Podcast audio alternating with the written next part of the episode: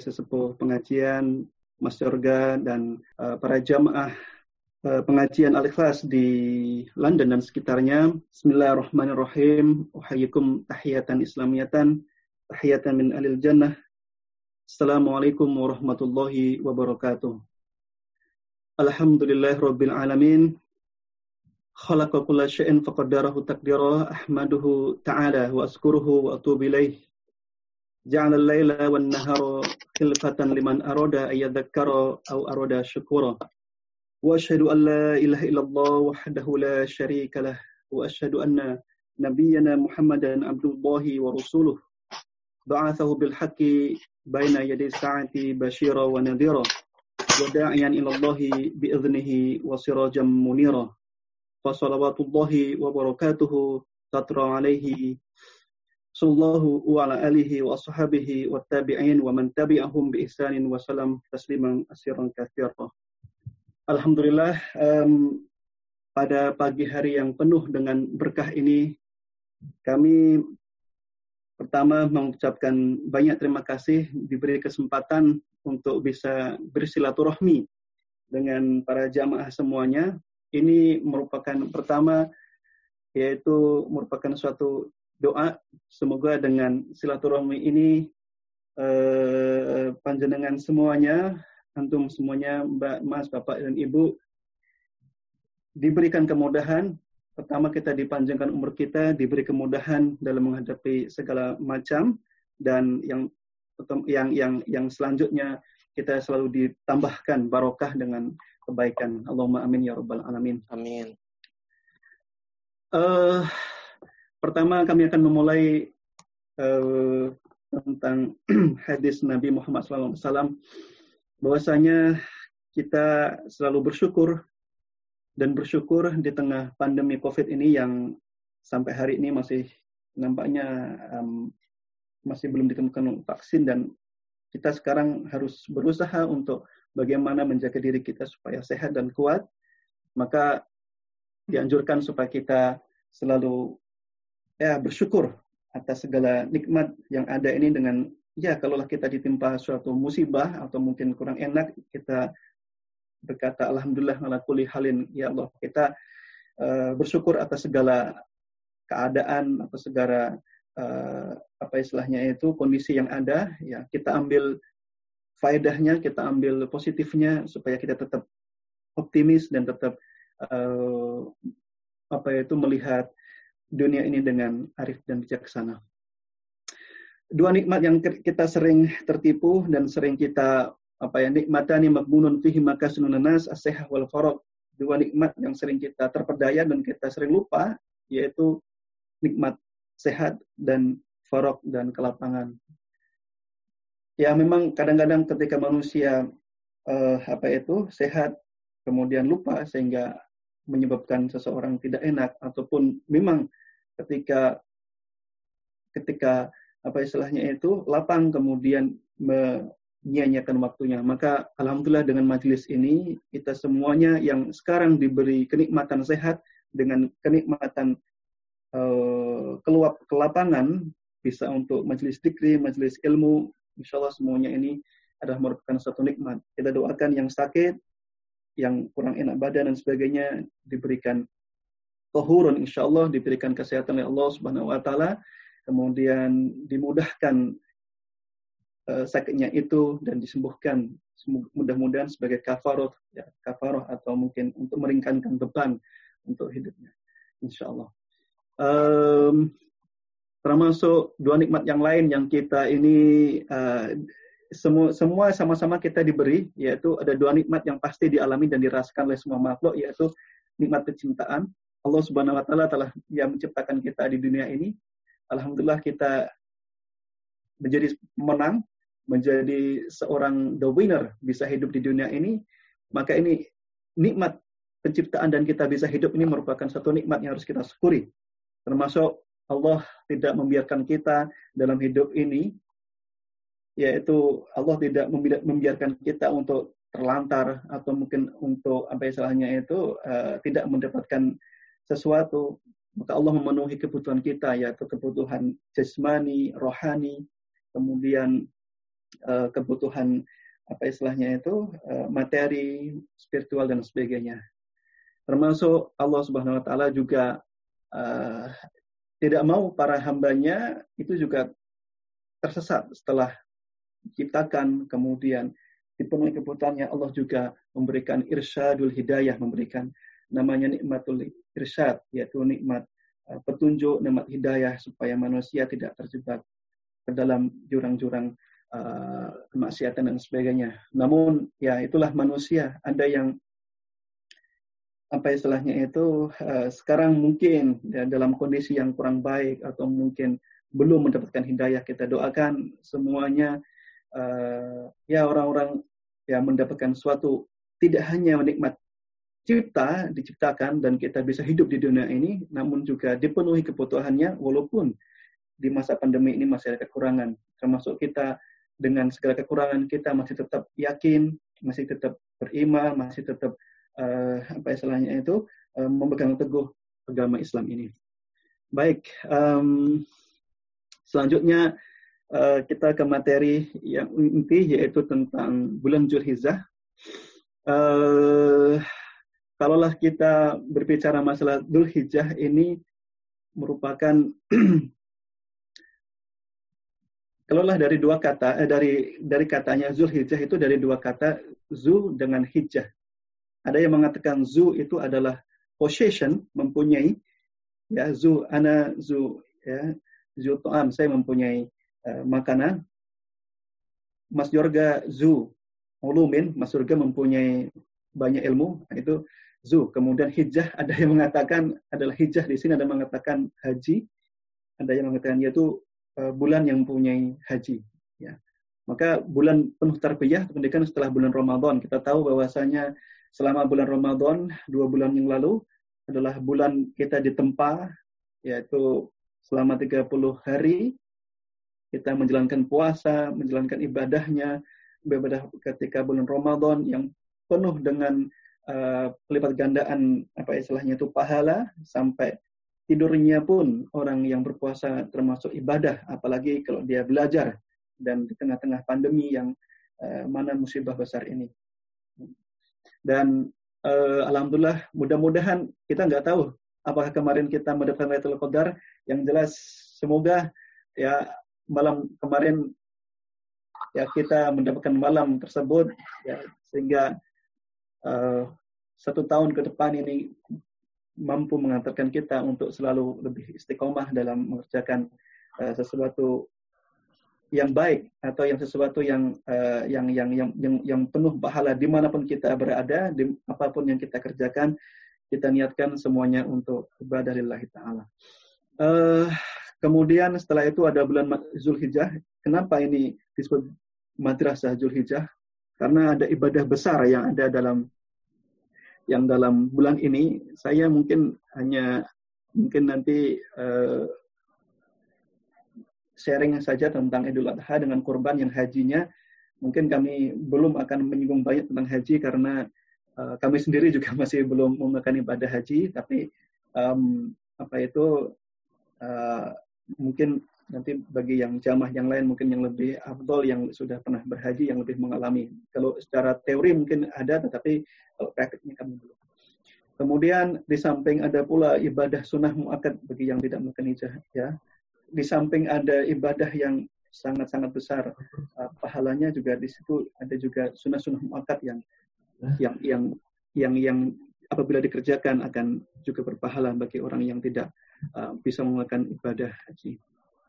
Baik, uh, bulan Julhijjah sebenarnya um, Allah Subhanahu Wa Taala telah menetapkan 12 bulan ini untuk uh, menciptakan langit dan bumi dan di antaranya empat di antara dari, daripada 12 bulan itu adalah bulan haram dan itulah ketetapan agama yang lurus ya kemudian uh, dalam ya dan kita tahu bahwasanya uh, dalam bulan-bulan hijrah itu ada keutamaan termasuk 12 bulan ini dijadikan satu bulan yang istimewa, kemudian empat bulan dipilih sebagai penuh, yaitu bulan Rajab, Sa'ban, Ramadan, dan Julhijjah.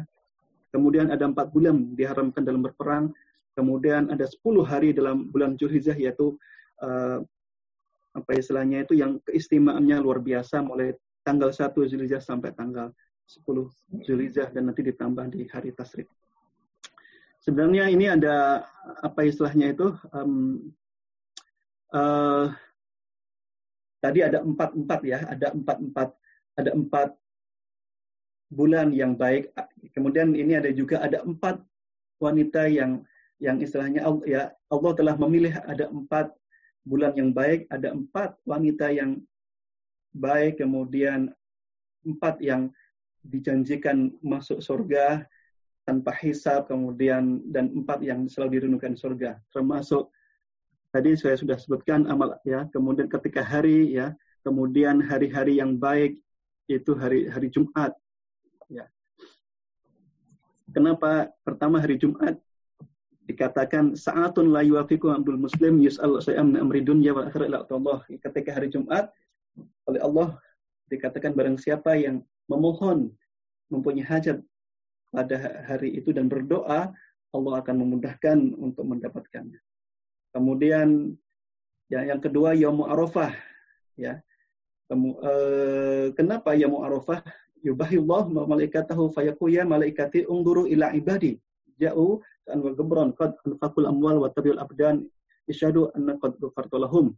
Kemudian yang kedua yaitu ketika hari Arafah.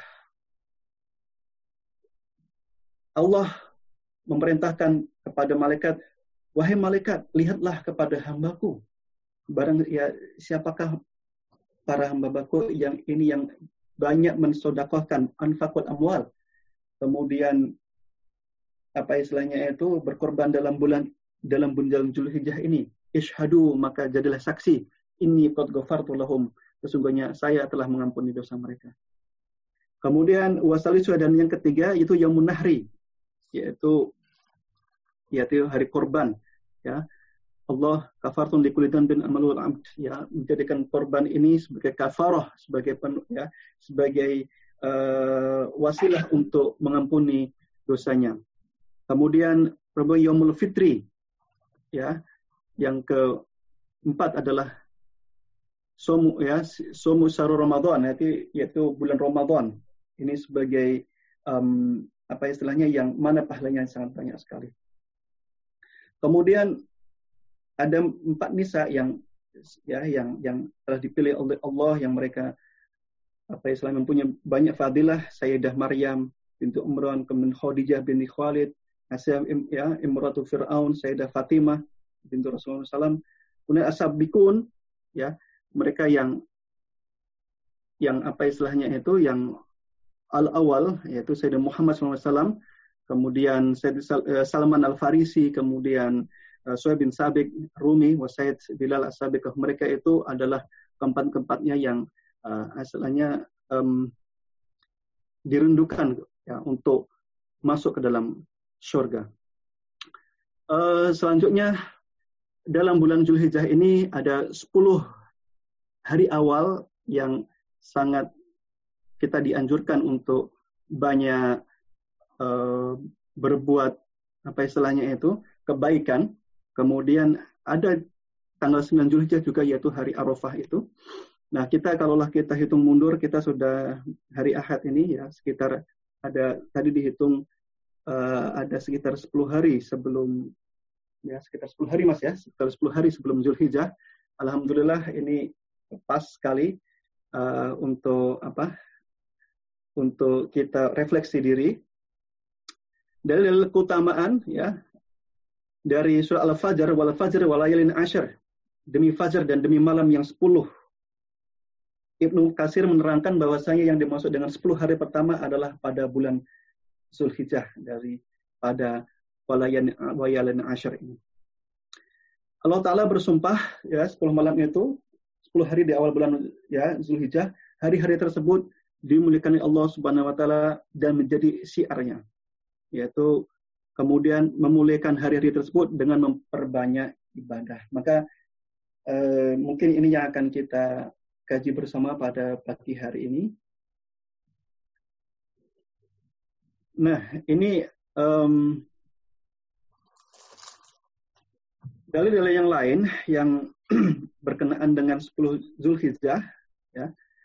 Liyashhadu manafi'alahum wa yazkuru ismallahi fi ayamin ma'lumat yaitu hari-hari yang telah ditentukan ya dari Ibnu Abbas radhiyallahu anhu bahwasanya ayamun maklumat di sini adalah 10 Zulhijjah. Ya. Uh, ini dari hadis dari Abbas radhiyallahu anhu dia berkata Rasulullah SAW bersabda tidak ada amalan soleh yang lebih dicintai oleh Allah Subhanahu Wa Taala daripada beramal di hari-hari ini. Ya maksud beliau adalah hari yang 10 itu. Sahabatnya bertanya, wahai Rasulullah, Walaupun jihad fisabilillah belum menjawab, ya, walaupun jihad fisabilillah.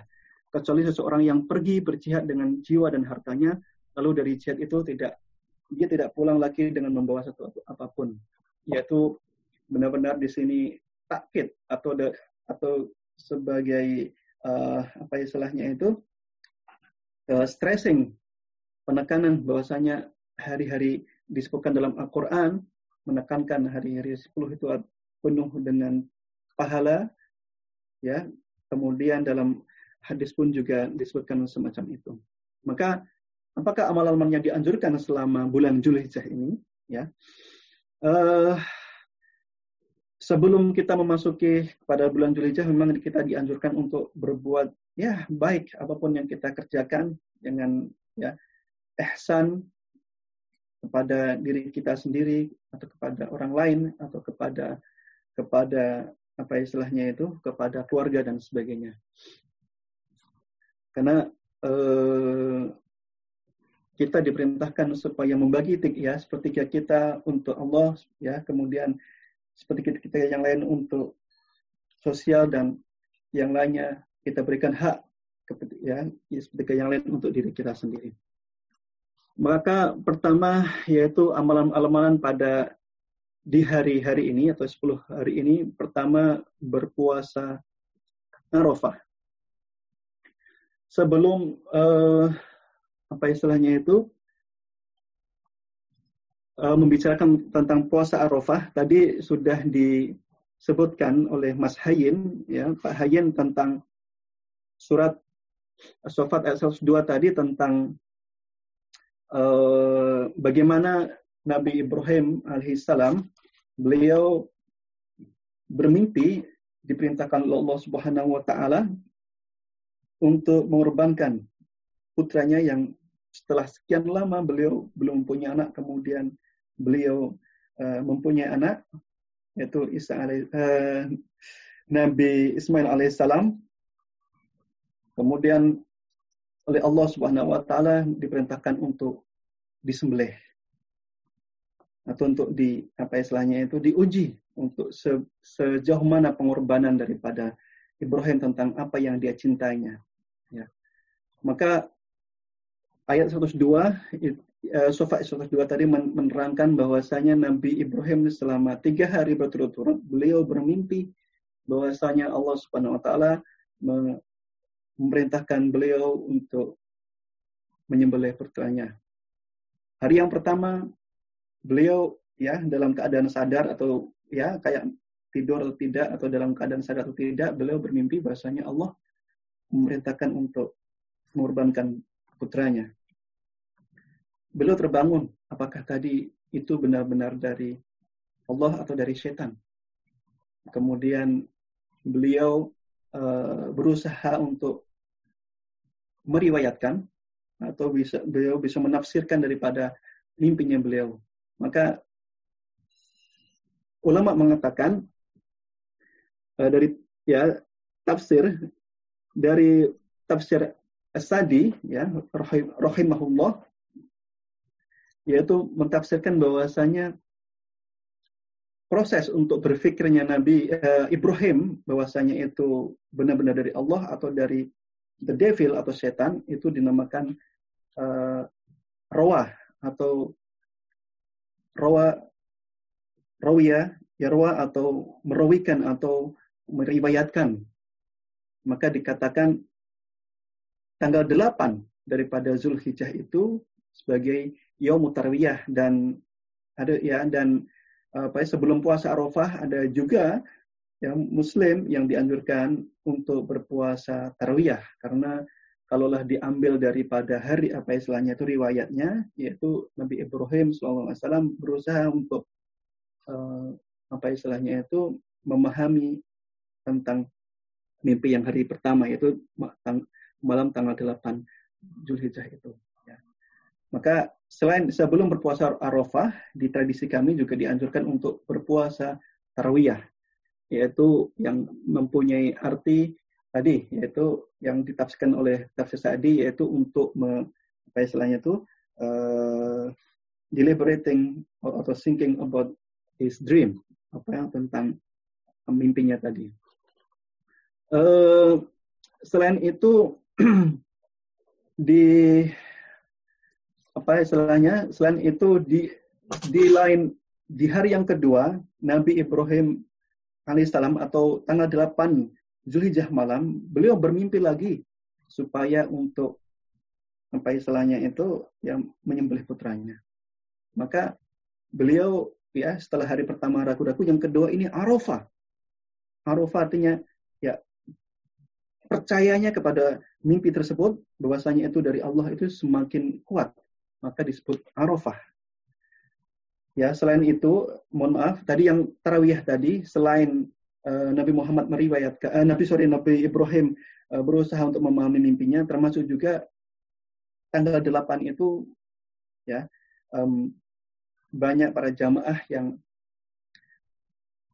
pergi haji ya yang sedang haji itu berbondong-bondong menuju Arafah untuk untuk wukuf di sana dan ketika itu uh, sangat kekurangan apa istilahnya itu kekurangan air sehingga dia masa rawiyah. Rawiyah itu artinya haus dan harus banyak minum. Maka disebut rawiyah. Kemudian uh, yang tanggal sembilannya Nabi Ibrahim itu mulai memahami dan mulai yakin bahwasanya itu dari Allah, maka dia arafah atau arafah. Selain itu pun, ya arafah adalah uh, tem, ya apa istilahnya tempat berkumpulnya para jamaah haji yaitu di di Arafah di tempat namanya Arafah. Kemudian uh, yang hari ketiga yaitu 10 Zulhijjah bahasanya tanggal 9 malam Nabi tanggal 9 malam Zulhijjah Nabi Ibrahim tetap atau sudah memasuki tanggal 10 Zulhijjah masih tetap apa istilahnya itu uh, bermimpi yaitu Allah Subhanahu wa taala memerintahkan untuk menyembelih uh, Ismail alaihissalam. Maka itu disebut sebagai Yaumun Nahri. Yaumun Nahri. Yaitu uh, hari untuk mengorbankan apa yang dia uh, cintai selama ini. Berpuasa Arafah ya kalau kami pertama yaitu amalan pertama yaitu berpuasa Arafah maka eh, apa istilahnya itu eh, pahala atau hikmah daripada puasa Arafah ini yaitu Nabi Muhammad SAW, uh, Nabi Ibrahim alaihissalam,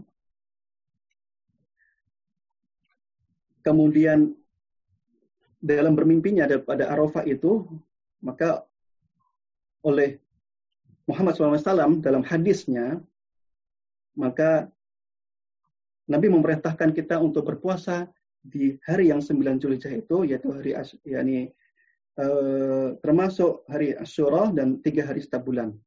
Ya, kemudian Senin pertama setiap bulan dan Kamis. Maka pertama pada tanggal 9 Dzulhijjah Nanti banyak uh, hikmahnya di situ, keutamaannya.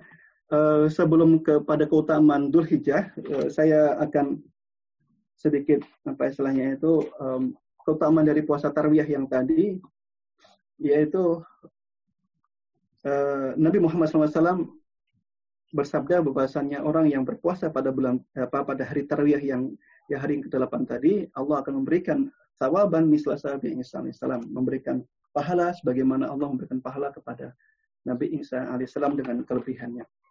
Kemudian kalaulah fadilah daripada bulan Zulhijjah ini yaitu puasa uh, sembilan Arafah itu menghapus dosa satu yang satu tahun yang lalu dan satu tahun yang akan datang. Termasuk membebaskan kita, membebaskan kita daripada api neraka.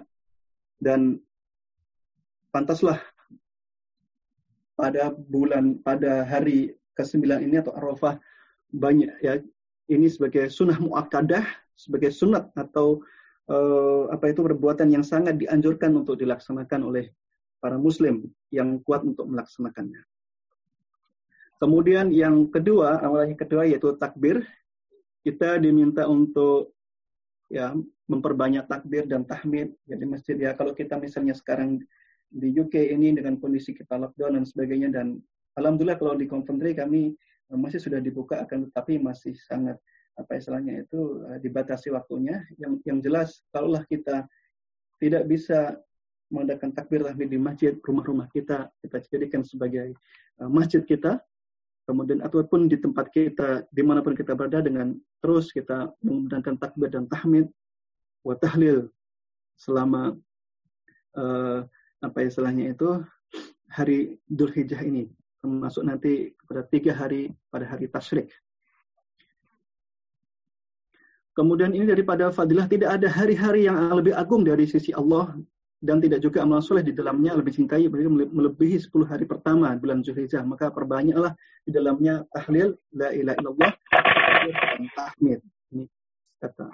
Nah, kemudian uh, ini ya takbir tahmid kemudian puasa tadi merupakan satu sunnah yang mungkin ya ya hampir terlupakan atau hilang daripada kita. Maka barang siapa yang menghidupkan sunnah dari sunnah-sunnahku yang telah mati atau mungkin banyak ditinggalkan oleh kita muslim atau mungkin kita lupa dan sebagainya maka pahalanya seperti pahala orang yang mengamalkannya tanpa mengurangi pahala mereka. Masya Allah ini suatu anjuran yang sangat kuat dan uh, apa istilahnya itu semoga kita walaupun mungkin kita tidak bisa ke masjid kemudian untuk tah, takbir tah, tahlil kemudian tahmid di situ di rumah pun menjadi okay. tempat yang yang baik bagi kita.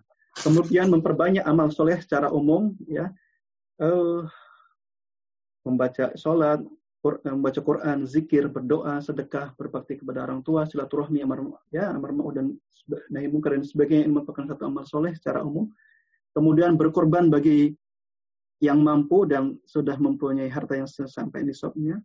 Kemudian taubatan nasuha, termasuk melakukan ibadah haji bagi yang mampu untuk mengerjakannya. Tadi sudah uh, kami sampaikan tentang ya Yomu Tarwiyah yang delapan tadi dan Yomu Arafah dan Yomu Nahar. Selanjutnya berdoa ke, di bulan Arafah ini sangat sebaik-baik doa. Maka kita perbanyak doa, lagi-lagi kita ya doa mukhul ibadah dan doa silahul mukmin kita jadikan doa ini sebagai mukhul ibadah yaitu muh muh itu adalah otak atau ujung atau apa istilahnya core inti daripada ibadah kita yaitu dengan berdoa. Karena sholat itu juga doa. Sholat itu doa. Dari takbir sampai terakhir itu semuanya doa kebaikan. Maka apalagi kalaulah kita kerjakan di bulan Arafah dan bulan-bulan ya bulan Ramadan dan sebagainya ini banyak sekali pahalanya. Uh, sebelum ya setelah ya, sebelum memasuki kepada tanggal 10 Dhul Hijjah yaitu ketika uh, kurban hari kurban maka barang siapa yang ingin berkorban ini diperintahkan untuk ya apabila kita melihat ya bulan Zulhijjah dan di, dan ada sebagian kita ingin berkorban maka kita disunatkan menahan dirinya dari memotong rambut dan kuku dari tanggal 1 Zulhijjah sampai nanti uh, disembelih tanggal 10 ya, hewan korban kita. Ini sunnah yang yang apa istilahnya itu yang dianjurkan supaya kita menahan diri untuk memotong rambut dan kuku untuk uh, sebelum memasuki bulan apa itu uh, hari hari korban yang seperti itu. Uh, ya mudah ya di di tempat kami di Coventry ini sudah dilaksanakan sholat Jumat dan jamaah yang mudah-mudahan nanti untuk Idul Adha kita juga bisa mengerjakan sholat ya Idul Adha di masjid kita atau kalau mungkin di lapangan di sini mungkin belum bisa mungkin kalau di Indonesia ya. Maka uh, kita kerjakan sholat Idul Adha nanti tanggal 10 Idul Hijjah nanti dengan semata-mata karena Allah Subhanahu wa taala dan ya bagi yang mampu untuk menyembelih korban karena korban di sini adalah sarana untuk beribadah dan mendekatkan kita kepada Allah Subhanahu wa taala. Kemudian pada tanggal 11, 12, 13 ini adalah itu hari tasyrik. Para jamaah haji akan menamatkan haji mereka. Oleh karena itu diharamkan berpuasa pada hari yang tiga ini. Kita tidak boleh untuk berpuasa kepada tiga hari ini namanya hari tasyrik. Karena ayam tasyrik itu al-hadi asyar wasani asar wasani asar min hijjah. Yaitu ayam tasyrik ayam syurbi wal akli yaitu hari tasyrik itu adalah hari untuk kita makan dan minum, kemudian termasuk ya disyariatkan masih ya tiga hari itu disyariatkan kita untuk masih menyembelih dan kenapa dinamakan tasrik karena dalam tiga hari ini ya uh, hewan korban masih disembelih kemudian uh, hewan korban juga di apa dibagi-bagikan kepada yang menghajatkan maka dan takbir dan tahmid dan tahlil di hari tasrik ini juga masih dikumandangkan. Kita semuanya tahu bahwasanya Idul Adha ini adalah uh, hari untuk membebaskan kita dari neraka dan sebagai pengampunan dosa yang telah dianugerahkan Allah Subhanahu wa taala yaitu yaitu uh, sebelumnya kita puasa uh, yang ada yang puasa tarawih dan ya dan arafah maka um,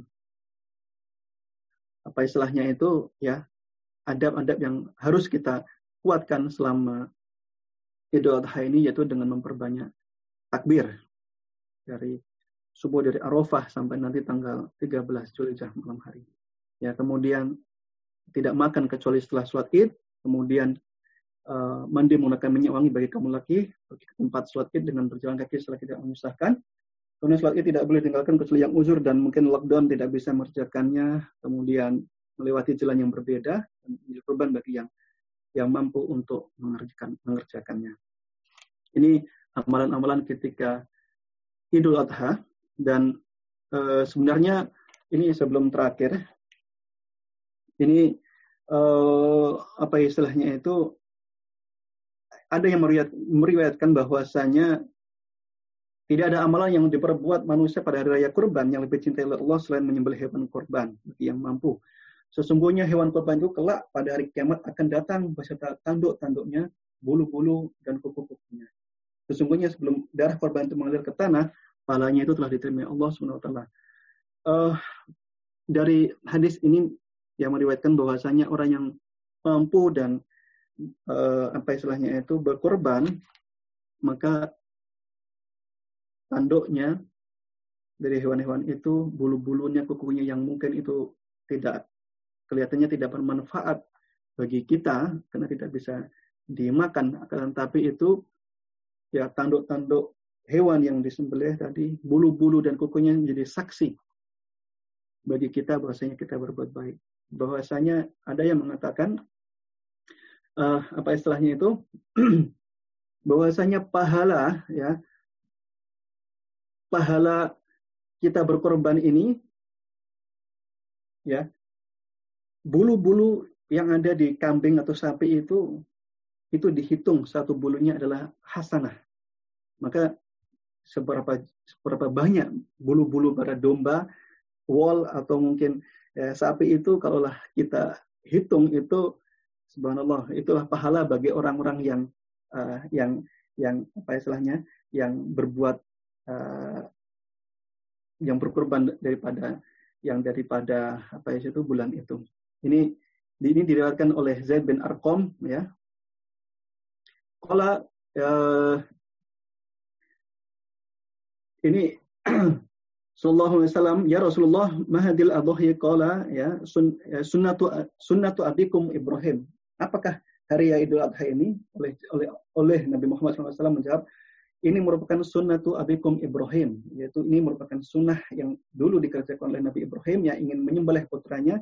Oleh Allah diuji uh, kesabarannya, diuji kepengetahuannya, ketaatannya, yaitu untuk mengorbankan apa yang dicintainya, walaupun di akhirnya Allah menggantikan ya uh, dengan uh, domba yang besar yang disembelih Nabi Ibrahim, bukan putranya, tapi proses untuk mengikhlaskan putranya akan di di apa korbankan tadi itu merupakan satu ujian dan Nabi Ibrahim itu lulus dalam ujian itu dan maka oleh Nabi Muhammad SAW oleh umat-umat ya oleh umat setelah Nabi Ibrahim ya khusus Nabi uh, Muhammad mengatakan bahwasanya ketika ditanya oleh sahabatnya itu ini adalah merupakan sunnah yang dulu dikerjakan oleh Nabi Ibrahim.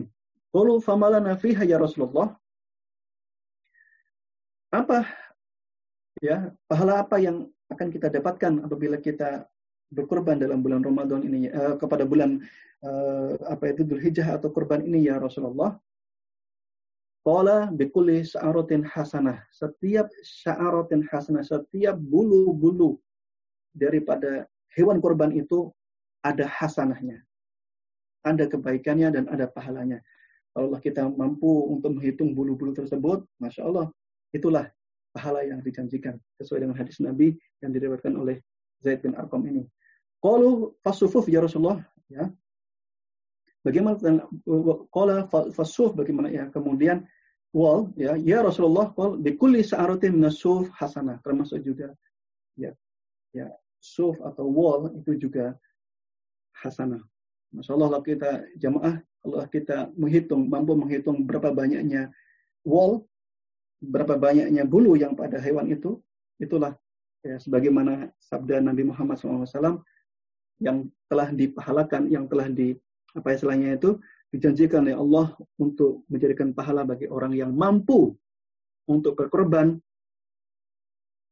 pada bulan Ramadan uh, kepada bulan Zulhijjah ini atau pada bulan Idul Adha ini.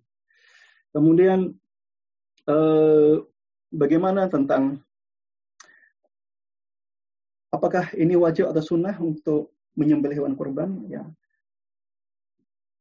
Untuk bagi yang mampu, kemudian dilapangkan rezekinya, maka ini diwajibkan untuk uh, apa istilahnya itu uh, menyembelih hewan kurban. Kemudian hartanya sudah sampai nisabnya, kemudian dia sudah mukim atau menjadi residen di tempatnya di tempat itu bukan pendatang kemudian uh, ya dan apabila apa istilahnya itu uh, ada juga yang mengatakan bahwasanya setiap misalnya satu orang wajib untuk uh, ber, satu ya, hewan korban misalnya satu sapi atau satu kambing tapi ada juga yang mengatakan bahwasanya ya misalnya satu family misalnya satu kambing itu ada juga yang mengatakan begitu. Ada juga yang mengatakan boleh patungan, misalnya uh, hewan sapi, yaitu sebanyak tujuh orang. Ya, nanti jumlah uangnya sebagaimana uh, apa istilahnya itu, sebagaimana jumlah apa istilahnya itu uh, jumlah harga. Misalnya kalau harganya ya 20 juta, maka setiap orang mungkin bisa jadi 2 juta karena ada tujuh orang. Kemudian bagaimana eh, apakah dibolehkan untuk berkorban pada orang yang ya dici ya pada orang yang yang yang meninggal atau orang yang apa istilahnya itu uh, orang lain ini uh, Rasulullah SAW ya pernah uh, berkorban itu dengan dua kambing pertama untuk beliau sendiri yang kedua untuk yang satunya untuk korban untuk ummah. Ya. Nah sekarang ini bagaimana dengan pandemi dan sebagainya ini? Ya mungkin kalaulah ya kita masih belum dicukupkan, diluangkan hartanya, mungkin ya karena kondisi ekonomi yang masih belum ya, lapang, ya, maka gugurlah kewajiban itu karena karena ketidakmampuan bagi yang mampu untuk mengerjakannya dan itu bisa dilaksanakan di lokaliti tempatnya itu lebih baik Adapun sekarang yang banyak mengajarkan yang misalnya di Yaman atau di di abroad atau yang konflik ya, dengan ikut donasi itu juga lebih baik juga. Uh, ya mungkin uh, ini sekilas daripada yang kami sampaikan. Adapun untuk haji kami tidak akan membahas karena um, kami uh, apa istilahnya uh, mohon maaf karena kami belum mempraktekkan haji ini dan teorinya ada yang jelas uh, nanti kami ingin juga berguru kepada orang yang sudah berhaji. Mudah-mudahan nanti kita juga diberi kesempatan untuk melaksanakan ibadah haji bersama. Mungkin demikian Mas Yorga, sekilas dari apa yang kami sampaikan. Jazakumullah. Assalamualaikum warahmatullahi wabarakatuh. Waalaikumsalam warahmatullahi wabarakatuh. Uh, ya syukran jazakallah Ustadz uh, Eko Nur Cahyo ya dari Coventry sudah banyak menceritakan kepada kita, memberikan semangat kepada kita mengenai fadilah-fadilah uh, di bulan Zulhijjah ini gitu ya. Uh, mangga insya Allah kita akan masuk ke sesi tanya jawab kepada Bapak Ibu uh, Mas dan Mbak sekalian. Apabila ada yang mau ditanyakan boleh dinyalakan videonya uh, di biar sekalian silaturahim juga atau mau lewat chat juga tidak masalah. Siapa mungkin yang mau memulai?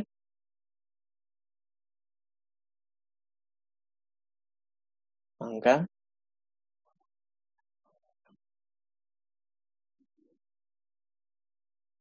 Belum ada. Mas Hayin, silakan. Eh, Assalamualaikum warahmatullahi wabarakatuh. Waalaikumsalam warahmatullahi wabarakatuh. Nah, kalau harus Pak Ustadz uh, atas tausiahnya uh, tentang uh, kurban. Uh, di sini saya mau menanyakan tentang kurban di UK, gitu ya. Uh, kita lihat di bucer-bucer atau di apa namanya itu jualan daging di di pasar-pasar sekitar kita yang halal itu biasanya mereka menyediakan uh, kurbani gitu atau kurban itu ya. Nah uh, biasanya kita tinggal pesen berapa berapa kambing gitu, terus kemudian nanti jadinya mau diambil semua mulai dari apa namanya itu jerohannya di dalamnya, kepalanya dan sebagainya. Itu kayak ngisi form gitu. Kemudian uh, setelah hari H diambil, kemudian kita ambil dari bujak itu. Nah, uh, pertanyaannya adalah apakah boleh uh, kurban itu dimakan sendiri? Berhubung kita agak punya tetangga di sini atau orang yang lebih apa ya membutuhkan dari kita karena ya kondisinya seperti ini kayak, kayak di luar negeri ya sebagai minoritas itu. Apakah boleh kita makan sendiri atau mungkin kita punya hanya tetangga dua atau tiga yang jaraknya jauh sekali dan kita bagi ke, ke mereka.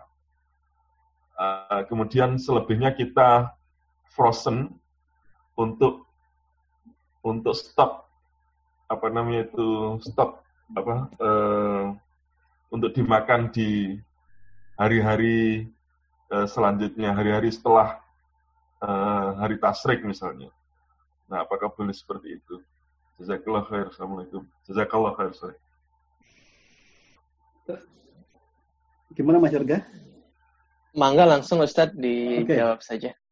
Terima kasih Pak Hien. Um, ya, uh, memang kita apa istilahnya di UK ini dengan apa itu kompleksitas kita yang mulai dari apa istilahnya itu lingkungan kita mungkin yang di sini sangat kita minoritas kemudian kita mempunyai hajat untuk me, apa istilahnya itu berkorban sehingga uh, mungkin nanti ada suatu kemubaziran misalnya kalaulah apa yang kita korbankan tadi istilahnya tidak termakan atau tidak atau tidak bisa terdistribusikan dengan baik.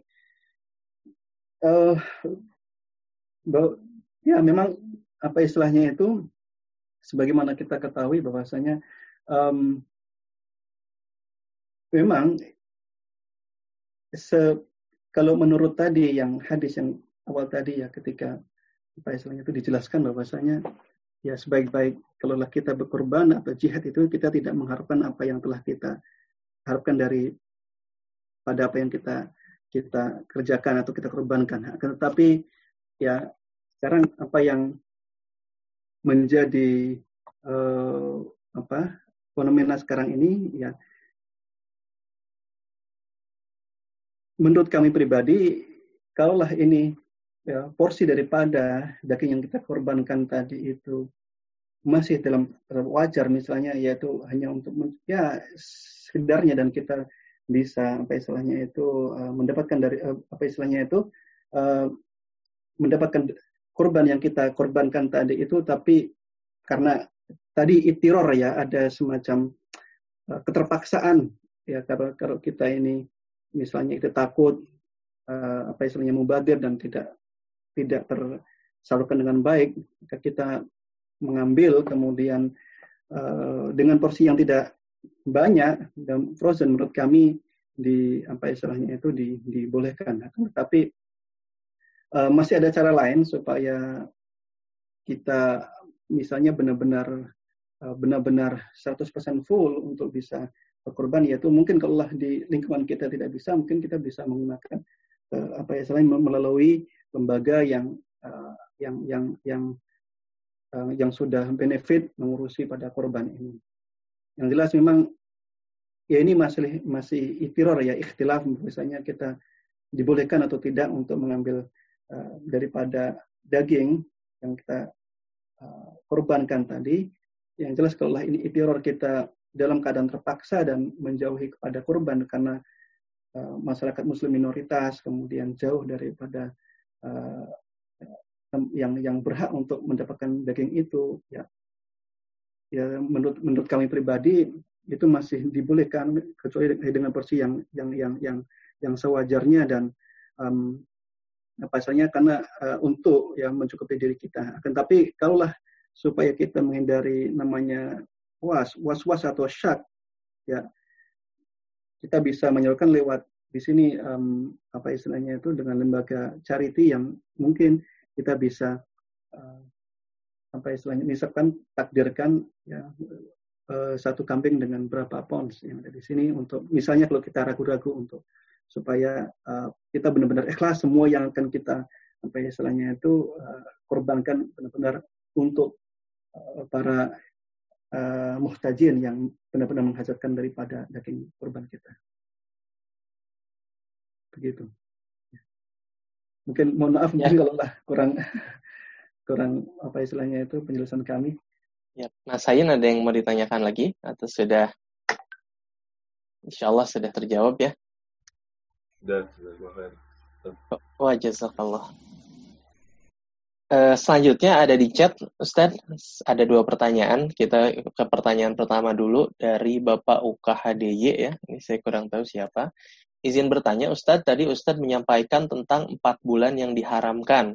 Apakah itu termasuk Ramadan atau di luar Ramadan karena Ramadan bulan spesial? Mungkin tadi bisa dicerita, dijelaskan sedikit lagi tentang empat bulan uh, yang utama itu Ustadz dan yang diharamkan berperang itu dua yang berbeda ya atau bagaimana? Iya. Oke. Kami, kami kembali ke sini ya uh,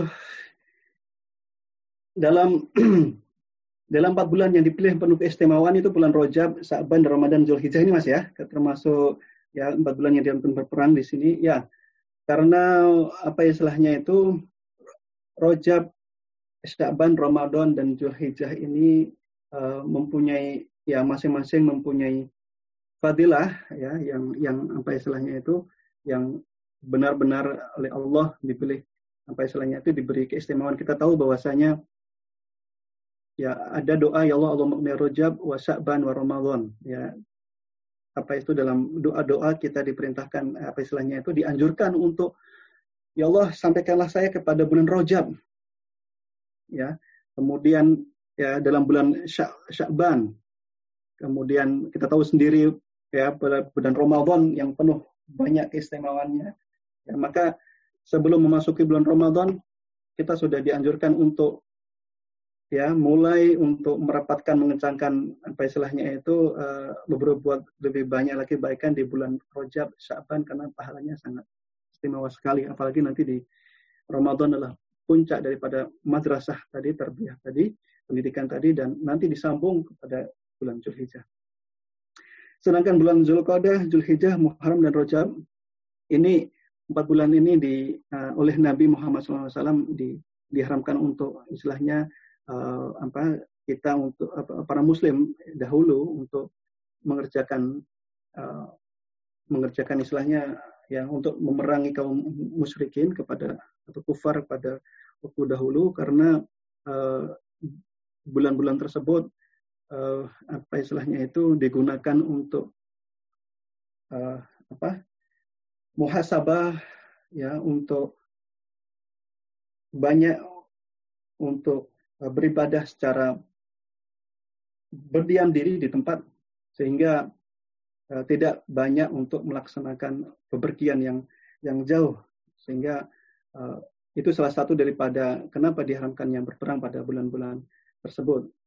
Dan kita mengambil hikmahnya bahwasanya um, pada bulan ya Zulhijjah memang diperintahkan kita untuk ya berkonsolidasi dengan banyak orang di situ untuk menyusun rencana, siasat dan strategi sehingga uh, apa apa itu nanti ya ketika selain bulan itu maka dianjurkan untuk ya berdakwah lagi berjihad lagi untuk Eh, berperang. Termasuk di bulan Ramadan ketika perang Badar kan juga apa itu ketika bulan Ramadan yang yang yang benar-benar ketika itu panas ya selain uh, apa itu memerangi kaum musyrikin itu banyak pahalanya dan ketika itu mereka menang karena dalam keadaan berpuasa. Mungkin ini um, sekilas dari uh, kenapa diharamkannya atau mungkin tidak di, di, di apa istilahnya itu dianjurkan untuk berperang karena apa istilahnya itu uh, ada hikmahnya yaitu untuk ya menghimpun kekuatan atau strategi bagi para muslim ketika itu. Baik, Ustaz Eko, uh, terima kasih untuk pertanyaan kedua. Pertanyaan berikutnya dari uh, Ibu Multisari ya. Saya ingin bertanya bagi wanita yang berhalangan pada hari Arafah sehingga tidak bisa melaksanakan ibadah puasa Arafah, apakah ada ibadah lain yang bisa dilakukan yang uh, pahalanya setara dengan puasa Arafah tersebut, Ustaz? Baik, um, ya memang se, apa, halangan bagi para ibu-ibu itu merupakan suatu ya mengharamkan untuk berpuasa Arafah. Ya memang pahalanya tadi dikatakan ya ada yang mengatakan bahwasanya saya belum menyebutkan ada ada hadis lagi mengatakan bahwasanya pahala uh, Arafah atau pahala ya ketika bulan Arafah itu malam harinya ada yang hadis mengatakan barang siapa yang sholat di malam hari ketika malam hari Arafah itu kemudian uh, sholatnya itu ya di, di ada yang mengatakan bahwa saya itu seakan-akan adalah sholat ketika malam pada bulan uh, pada malam Matul Qadar masalah um, bagaimana kalaulah kita misalnya berhalangan pada bulan Arafah itu uh, tidak bisa mengerjakan uh, puasa ataupun sholat atau atau apa istilahnya itu atau uh, mengerjakan amal yang baik. Ya ini memang ini uh, sesuatu kalau sudah diharamkan untuk berpuasa karena halangan tadi tidak ada uzur ya masih ada beberapa yang yang bisa di, di, diganti untuk itu. Termasuk apa istilahnya itu ya ya sodako ya kemudian ya bagi yang mampu bisa berkorban tadi. Kemudian apa istilahnya itu memang kalau kodok kodok sholat arafah tidak ada ya tidak ada yang istilahnya itu mengganti sholat arafah tidak ada. Yang jelas uh, Allah maha luas sekali uh, dan Allah maha penyayang. Allah tidak membatasi pahala dari pada arafah itu uh, daripada perbuatan yang kita kerjakan yaitu apabila ya misalnya pahala arafah puasa arafah ini sangat luar biasa sekali. Dan kita sebagai ibu-ibu atau mungkin ya istri kita yang tidak bisa mengerjakan puasa itu masih bisa diganti dengan ibadah yang ibadah-ibadah yang lain yang pahalanya sangat luar biasa sekali. Bagi yang mampu bisa berkorban, kemudian bisa apa itu beramal baik, termasuk apa istilahnya itu takbir, tahmid. Ya, kalau membaca Al-Quran dengan menyentuhkan bagi orang yang sedang haid kan tidak boleh. Tapi kalau yang membaca takbir, tahmid, dan tahlil ya masih dibolehkan. Yang jelas Allah maha luas sekali uh, apa istilahnya itu kebaikannya ya kita tidak boleh uh, merasa pesimis, masih kita bisa berbuat baik, yaitu dengan memberikan misalnya santunan. Uh, ketika hari tanggal 9 itu, itu juga sangat uh, pahalanya sangat luar biasa, sebagaimana ada yang mengatakan dalam hadis, seolah-olah ibadah yang kita kerjakan, ibadah apa pun atau sholat ataupun zakat infak pada tanggal 9 Arafah itu seakan-akan dihitung pahalanya seperti pahala orang yang beribadah di malam Lailatul Qadar itu. Nah, itu ada hadis yang mengatakan semacam itu. Baik, Mas. Iya, uh, syukran jazakallah uh, Ustaz. Uh, tadi ya, semoga bisa mencari opsi-opsi lain ibadah. Uh, pertanyaan berikutnya dari Ibu Rini, bolehkah jika kita membayarkan kurban untuk kakak yang sudah meninggal? Ya, ini mungkin banyak ikhtilafnya, tapi bagaimana mungkin ya. Tadi saya sudah singgung sedikit. Uh, dahulu Nabi Muhammad SAW ini diri, tadi diriwayatkan oleh um, telah diriwayatkan bahasanya uh, bertanya kepada Nabi bagaimana hukum berkorban bagi bagi orang yang telah meninggal atau orang lain. Dahulu ini diceritakan bahwasanya uh, Rasulullah SAW pernah berkorban pertama satu untuk beliau sendiri, yang kedua itu korban untuk umatnya. Kalaulah kita kiaskan umat di sini ya bisa juga umat yang telah meninggal dan umat yang telah masih hidup. Ya, ya memang um, apa istilahnya ini menjadi men, ya kalau merujuk kepada uh, keterangan atau hadis ini ya kita dibolehkan untuk uh, menunaikan ibadah bagi uh, ibadah korban bagi yang meninggal termasuk kita di haji itu namanya haji badal yaitu menghajikan kepada keluarga kita atau ya atau mungkin saudara kita yang telah meninggal kemudian kita mengganti membadalkan uh, haji tersebut. Dan di sini ya dalam kalaulah melihat daripada hadis yang di, yang yang dijelaskan ini bahwasanya Nabi telah berkorban untuk ya diri beliau dan bagi umat Islam. Ya. Begitu Mas.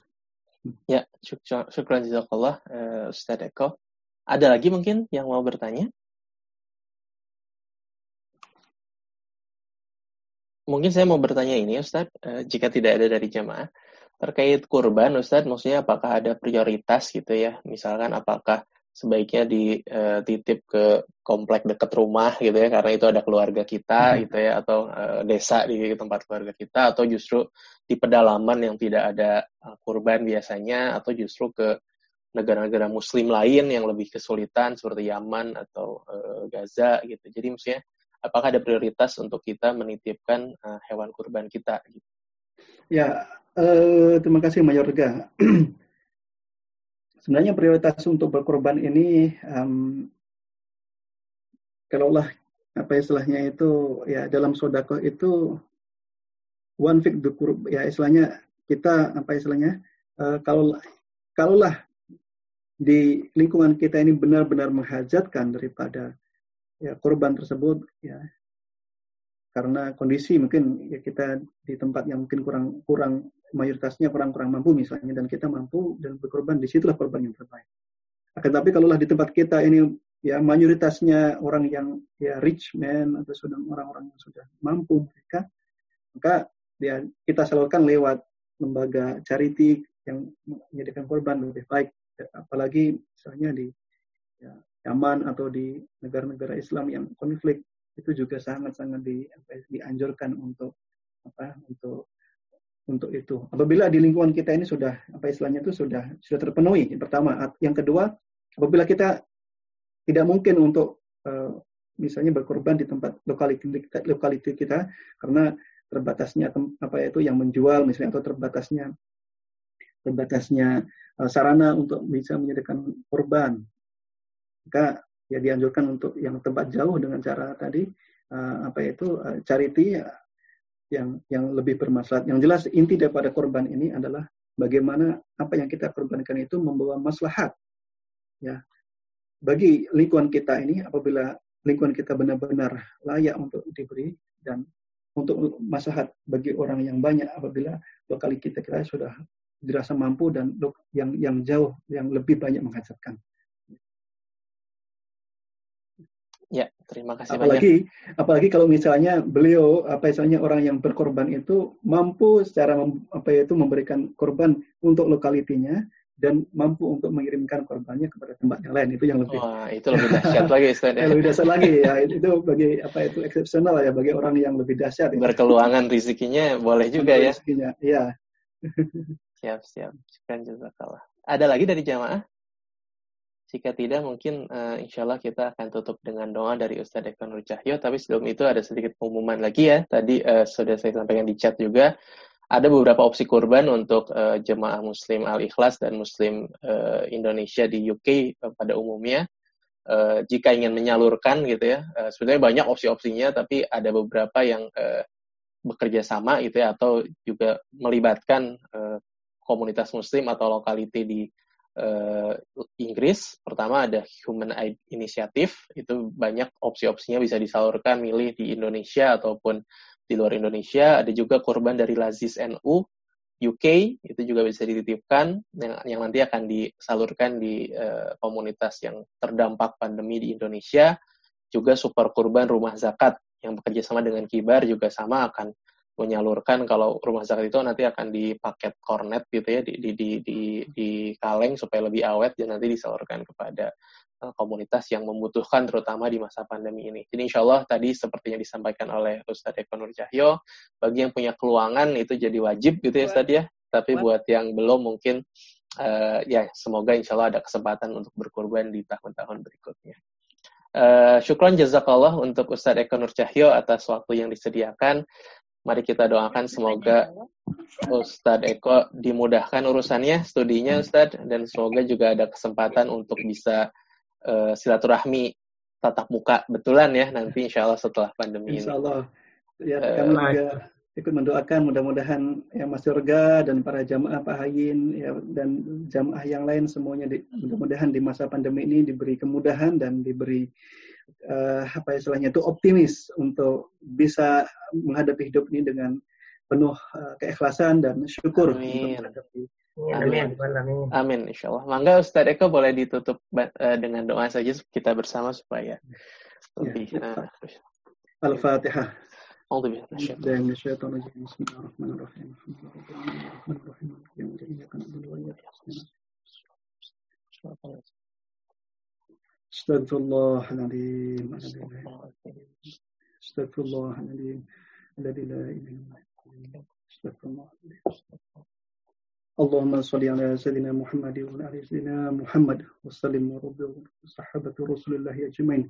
والحمد لله رب العالمين امين حمدا شاكرين حمدا ناعمين حمدا يوافي نعمه ويكافئ مزيده آمين. يا ربنا ولك الحمد كما ينبغي لجلال وجهك الكريم وعظيم سلطانك آمين اللهم أنت ربنا لا إله إلا أنت خلقتنا ونحن عبادك ونحن على عهدك ووعدك ما استطعنا نعوذ بك من شر ما صنعنا نبوء لك بنعمتك علينا ونبوء بذنوبنا.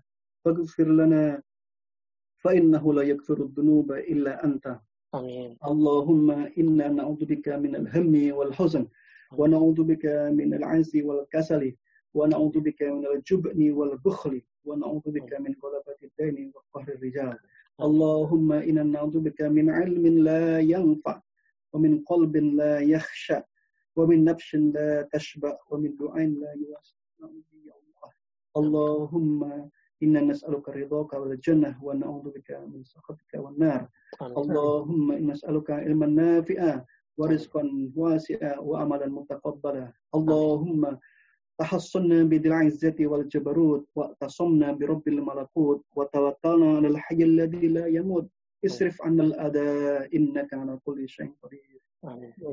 Allahumma inna na'udhuka minal barasi wal jununi wal judam min sayyid asqam. Ya Allah, ya Tuhan kami, hambamu yang lemah ini mengharap kepadamu, ya Allah, zat yang maha perkasa, zat yang maha segalanya. Berilah kami kesehatan, berilah kami kekuatan, berilah kami kemampuan untuk menghadapi musibah pandemi ini dengan kesabaran. Ya hayu ya alladzi yamut wahai maha yang maha hidup yang tidak meninggal. Jauhkanlah kami dari Bala ini ya Allah. Innaka ala kulli syai'in Innaka ala kulli syai'in qadir. Sesungguhnya engkau maha perkasa atas segala sesuatu ya Allah. Allahumma ij'al tajammu'ana hadha tajammu'an marhuma wa tafarraqana min ba'dihi tafarruqan ma'suma wa la taj'al fina syaqyan wa la mahrum. Wa ati kulla nafsin su'laha min al-khairi wa saddid khataha wa wafiq mas'aha. Wa nawir darbaha wa lihimha rusdaha wa bikha li khairi diniha wa dunyaha Allah. Rabbana hab lana min aswazina wa dhurriyyatina qurrata a'yun waj'alna lil muttaqina imama. Ya Allah, jadikanlah kami, jadikanlah keluarga istri-istri kami, jadikanlah keluarga kami, suami-suami bagi ibu-ibu yaitu keluarga yang penuh dengan penuh dengan barokah, sakinah, mawaddah, warahmah ya Allah. Jadikanlah keturunan-keturunan kami, anak kami. Qurratu a'yun, penyejuk bagi mata kami, penyejuk bagi keluarga kami ya Allah. ربنا ظلمنا أنفسنا وإن لم تغفر لنا وترحمنا لنكونن من الخاسرين ربنا آتنا في الدنيا حسنة وفي الآخرة حسنة وقنا عذاب النار سبحان ربك رب العزة عما يصفون وسلام على المرسلين والحمد لله Ya, Alhamdulillah. Eh, terima kasih sekali lagi Ustaz Eko Insya Allah ada kesempatan bertemu di eh, waktu-waktu uh, selanjutnya. Terima kasih buat jamaah, Bapak Ibu, Mas Mbak sekalian sudah ikut menyimak. Insya Allah yang belum ada kesempatan menyimak akan disampaikan rekaman audionya di grup WhatsApp. Dan ketemu lagi insya Allah di uh, pengajian online dua pekan lagi. Kita ini baca doa akhir majelis. Subhanakallahumma wa bihamdika. Asyhadu alla ilaha illa anta astaghfiruka wa atubu ilaik. Assalamualaikum warahmatullahi wabarakatuh.